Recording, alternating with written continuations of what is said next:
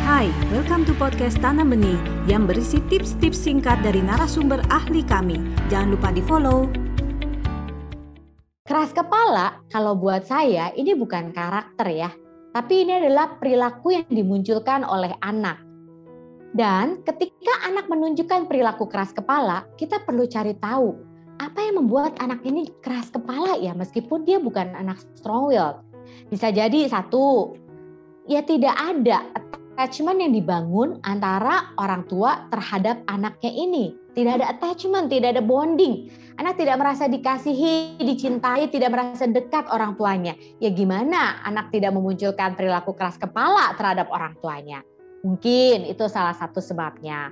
Salah satu sebab lainnya bisa jadi dia menunjukkan perilaku keras kepala kita suka dengar anak yang terabaikan ya atau anak yang diabaikan neglect child.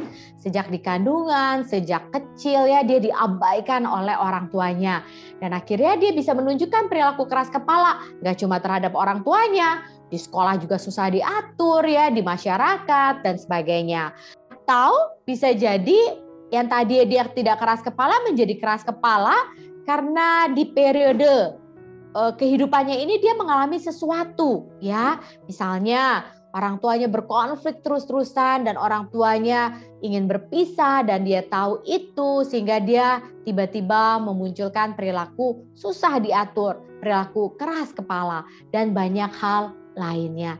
Jadi ketika anak menunjukkan perilaku keras kepala, susah diatur kok kayaknya uh, pengennya uh, menyusahkan orang gitu ya. Nah, kita perlu cari tahu apa yang membuat anak kita menjadi seperti ini. Karena kok saya yakin banget ya sebenarnya keras kepala, anak nggak mau diatur, anak nggak nggak bisa diatur itu bukan bukanlah sebuah karakter, tapi perilaku yang tentu ada penyebabnya kenapa seperti itu.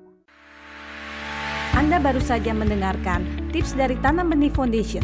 Mari bersama-sama kita terus belajar untuk menjadi orang tua yang lebih baik demi generasi yang lebih baik. Jangan lupa follow podcast kami